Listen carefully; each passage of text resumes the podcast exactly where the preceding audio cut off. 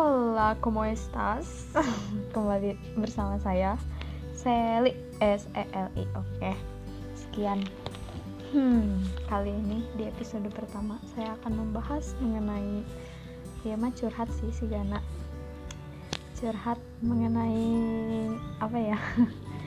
ya, balada mahasiswa akhir, apalagi kalau bukan skripsi. Mungkin semuanya bukan semuanya ya emang udah pasti tahu kalau misalnya salah satu syarat buat jadi sarjana itu ya buat skripsi atau tugas akhir biasanya. Sebagai mahasiswa tentu saja khususnya mahasiswa tingkat akhir skripsi adalah beban terakhir untuk mencapai gelar tersebut. Dan itulah yang saya jalani di semester ini. Hmm, berbicara tentang skripsi awal-awal kuliah mungkin masih bingung ya skripsi itu apa sih judulnya apa sih harus pilih apa. Itu saya sampai semester 5 tuh masih ngeblank nggak tahu mau tentang apa skripsi itu apa sih. Mau baca-baca juga ada nggak ngerti gitu kan. Nyampe akhirnya semester 6 ya semester 6 orang lain udah ada yang kontrak seminar fisika tuh. Nah di situ udah udah mulai kayaknya aku ngontrak gitu.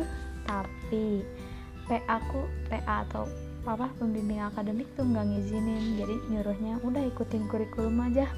Ya udah gitu kan. Akhirnya ikutin kurikulum dan aku ambil seminar di semester 7 dari seminar itu mulanya tuh kayak stres karena disuruh kita cari jurnal cari judul yang itu bisa untuk uh, dapet ide soal skripsi nah di situ nyari jurnal aja gitu ya. Udah pusing. Terus disuruh dikaji jurnal tuh mana jurnal isinya bahasa Inggris semua. Dulu tuh saya anti banget sama bahasa Inggris teh. Aduh liar macana oke gitu kan tuh bisa. Tapi karena tuntutan tugas yang harus dipahami akhirnya saya belajar bahasa Inggris. Ya itu ya baca jurnal yang saya dapat berkali-kali hingga saya paham setiap paragraf yang ada di situ. Nah alhamdulillah SPF lancar. Dapatlah ide.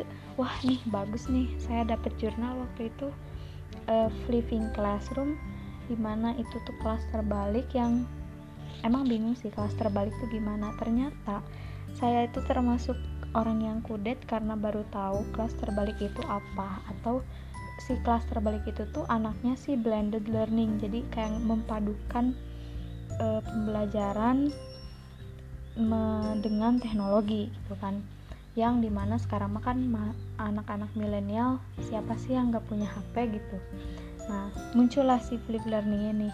Hingga saya dikasih applause gitu ya, yang bikin saya terharu adalah dosen SPF saya memberikan saya apresiasi yang sangat besar sehingga saya bisa mendapatkan nilai yang terbaik. Oke SPF selesai. Saya dapat ide buat ngambil flipping classroom sebagai penelitian saya. Namun ya ada namunnya ya. Namun di angkatan saya bahkan di pendidikan fisika itu belum ada yang e, meneliti tentang flipping classroom ini. Terus e, saya curhat kata, ke ketua departemen dan kata ketua, ketua departemen saya nah itu bagus tuh belum ada yang meneliti tentang flipping classroom udah lanjutin aja. Wah nih kan seolah dapat uh, apa ya kayak dukungan gitu dari ketua departemen. Wah ada yang mendukung nih. Akhirnya saya lanjutlah dengan uh, living classroom itu. Terus yang bingung kebingungan saya yang kedua mengenai skripsi saya adalah di situ orang-orang udah mulai kayak ikut payung penelitian. Udah bener-bener kebayang apa yang mau mereka teliti dan saya itu masih ngeblank. Saya cuma tahu flipping classroom dengan research saya yang seadanya. Tapi apalagi ya? Nah kebetulan waktu itu saya tertarik dengan global goals atau sustainability eh sustainability development itu ya. Pembangunan berkelanjutan. Nah itu saya tertarik banget sama itu. Sampai udah mau ikutan tentang apa sih uh, si apa sih namanya teh? MUN gitu ya. MUN Global Moon Global Goals Moon. Itu di Malaysia udah mau ikutan tapi ah kayaknya saya belum siap secara materi karena itu tuh kita bahas bahas hampir 17 goals dan harus benar-benar paham mengenai semuanya. Akhirnya mundur dari MUN terus kebe nah si kebetulan si teman saya itu ada yang ngajakin kamu udah dapet penelitian belum? Belum saya bilang. Oh ya udah mau nggak ikut ini ISD ISD apa itu? Kayak pernah dengar gitu ya. Ternyata benar lah itu salah satu cabang dari Global Goals atau Education Sustainability for Development. Pendidikan untuk ber, e, pembangunan berkelanjutan. Wah kayaknya menarik tuh ikutlah payung itu sosokan banget kan. Tadinya tuh biar ada deadline itu tuh masih semester 7 ya masih dilema-lema gitu. Biar ada deadline jadi kayak ngerjain skripsi ada yang nagih-nagih gitu kan. Ya udahlah ikutan aja daripada saya galau juga ngerjain skripsi sendiri. Ditambah saya orang yang males gitu kan. Nggak ada semangat buat mengerjakan skripsi. Ikutan lah itu ya. Si ISD si payung itu sampai akhirnya berjalan. Proposal udah di ACC waktu itu. Terus direvisi oleh dosen mata kuliah metodologi pendidikan.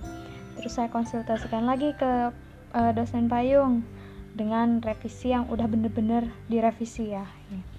Udah selesai revisi masukkan semester baru semester 8 waktunya PPL dan skripsi. Skripsi hmm, bulan Februari saya mendapatkan kabar yang menurut saya sih agak-agak horor dan menyedihkan tapi seneng ah campur aduk kah random SK pertama di bulan itu keluar saya lihat nama saya. Wah ada nih Selin Nurpianti. Lihat ke sebelah kanan. Pembimbing satu, pembimbing dua, dan boom. Pembimbing, pembimbing satu saya, saya, saya, ya, pembimbing satu saya itu udah senior dan ditakuti oleh mahasiswa. Saya menarik nafas panjang. Untungnya pembimbing dua saya ya eh, dosen payung saya gitu kan payung tuh payung penelitian gitu pembimbing satu saya waduh bapak ini saya carilah teman-teman saya dalam SK yang lima lembar itu siapa lagi nih yang dengan beliau ternyata tidak ada guys. Ternyata cuma saya yang dibimbing beliau.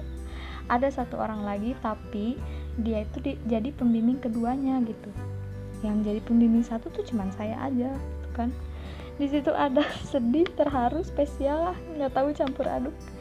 Terus hari berikutnya saya kasihkan draft proposal saya. Terus bapaknya bilang bener nih ini sama saya. Iya pak yaudah nanti ketemu lagi hari Kamis oh siap pak ketemu hari Kamis kan saya memberikan proposal yang sudah direvisi yang sudah betul-betul direvisi dan di ACC oleh Payung serta dosen mata kuliah metodologi pendidikan. Namun setelah datang ke beliau, ya udahlah udah pasti tahu kan. Revisi lagi ya, revisi total ini apa? Nggak ada papanya gitu kan, suruh ngulang. Oke, saya ngulang. Terus seperti itu hingga tiga kali bimbingan proposal saya mengulang dan akhirnya ACC. Nah udah ACC, lanjutin bab satu. Kata yang simple tapi membuat saya, Alhamdulillah ya Allah. kayaknya tuh sujud syukur di situ sambil saya juga refleks senyum dong depan si bapak dan si bapaknya bilang ya sok lanjutin lah senyum-senyumnya sana nah, sambil ngerjain bab satu siapa siapa saya bilang gitu lanjut bab satu. Ini bab satu yang buat saya naik turun. Bab satu saya berapa kali ya? Enam apa? Tujuh kali revisi guys. Tujuh kali revisi hingga puncaknya itu kemarin terakhir. Bapaknya udah geram dan bilang kayaknya kita nggak cocok. Ini antara kamu ganti pembimbing duluan atau saya yang ganti mahasiswa. Udah bener-bener lah kamu nggak bisa yang bikin sakit hatinya itu bab satu saya udah di ACC tapi tiba-tiba dicoret ACC nya dan ditulis perbaiki revisi. Itu tepat minggu lalu. Seminggu yang lalu. Seminggu yang lalu. Aduh itu udah bener-bener gak kuat. Harus gimana kayak galau gitu. Masa 9 kali atau 10 kali bimbingan harus diganti begitu aja dilepas begitu aja? Ya udahlah kayak udah udah mental breakdown banget lah kemarinnya. Udah nggak bisa apa-apa. Terus ditambah setelah kejadian itu hari Jumat kan itu hari Kamis ya hari Jumatnya besoknya laptop mati. Nggak bisa apa-apa nggak bisa ngerjain skripsi nggak bisa ngerjain instrumen apalagi. Ah udah kacau nggak bisa ngapa-ngapain. Akhirnya saya vakum dan hari Senin saya datang ke dosen kedua bilanglah curhat ke beliau. Gini kondisinya situasinya kayak gini. Si bapaknya diam termenung gitu kan. Kayak bingung juga gimana?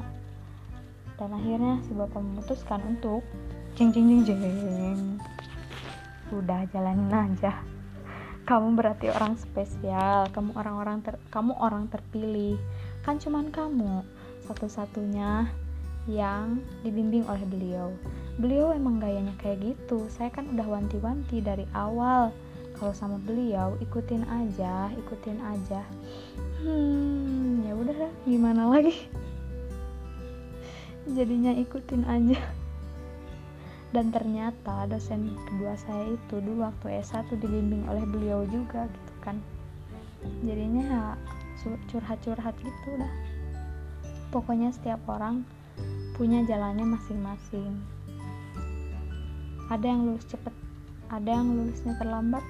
Itu bukan salah tiap orang dan itu bukan keberuntungan tiap orang. Itu emang udah takdirnya merenya udah takdirnya harus kayak gitu.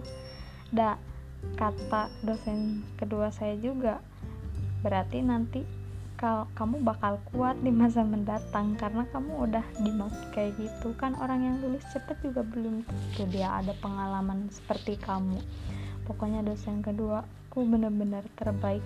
Ngasih beberapa motivasi yang benar-benar membangkitkan semangat udah. Kalau misalnya ada apa-apa kata beliau nanti bapak turun tangan buat bilang ke dosen kesatu aku itu dari situ kayak oke okay, jalanin lah bisa kuat gitu. Toh berarti bener aku teh orang spesial aku teh orang yang terpilih kalau misalnya memang cuma satu dari seangkatan yang dengan beliau gitu. Dan si bapak dosen kedua teh bilang kamu masih untung nah apa sih alhamdulillah gitu. Di tengah-tengah dibilangin kayak gitu. Tahun lalu ada mahasiswa beliau yang itu sidangnya tuh nyampe gak jadi udah mau sidang disuruh ganti judul. Coba nah rumah kamu di mana? Pas saya bilang Cimahi pak. Tuh kan dekat nah waktu itu karena dia udah nggak perpanjang kosan dan bolak balik ke Tasik. Dari Tasik itu apa? Cianjur gitu nah katanya si bapaknya tuh. Saya nggak akan sebut dah. Itu tahun lalu banget nah dan itu mahasiswa saya juga. Cina aduh si bapak teh nah gitu kan. Jadi bingung.